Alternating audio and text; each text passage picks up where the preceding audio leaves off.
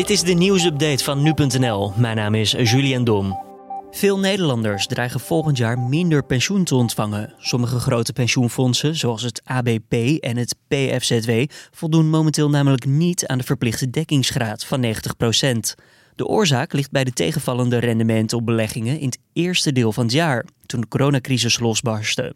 Sindsdien zijn de fondsen wel enigszins hersteld van de klap, maar niet dusdanig dat pensioenverlagingen van de baan zijn.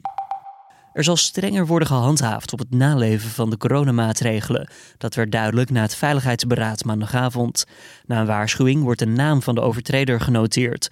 Mocht deze persoon nogmaals in de fout ingaan, dan kan hij of zij direct een bon verwachten.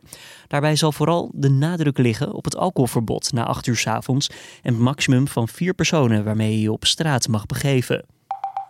In Amsterdam Nieuw-West is afgelopen nacht een man meerdere malen beschoten. Het slachtoffer is in kritieke toestand overgebracht naar het ziekenhuis. Vermoedelijk zijn twee verdachten op de vlucht geslagen. De politie is bezig met een onderzoek en roept getuigen op zich te melden.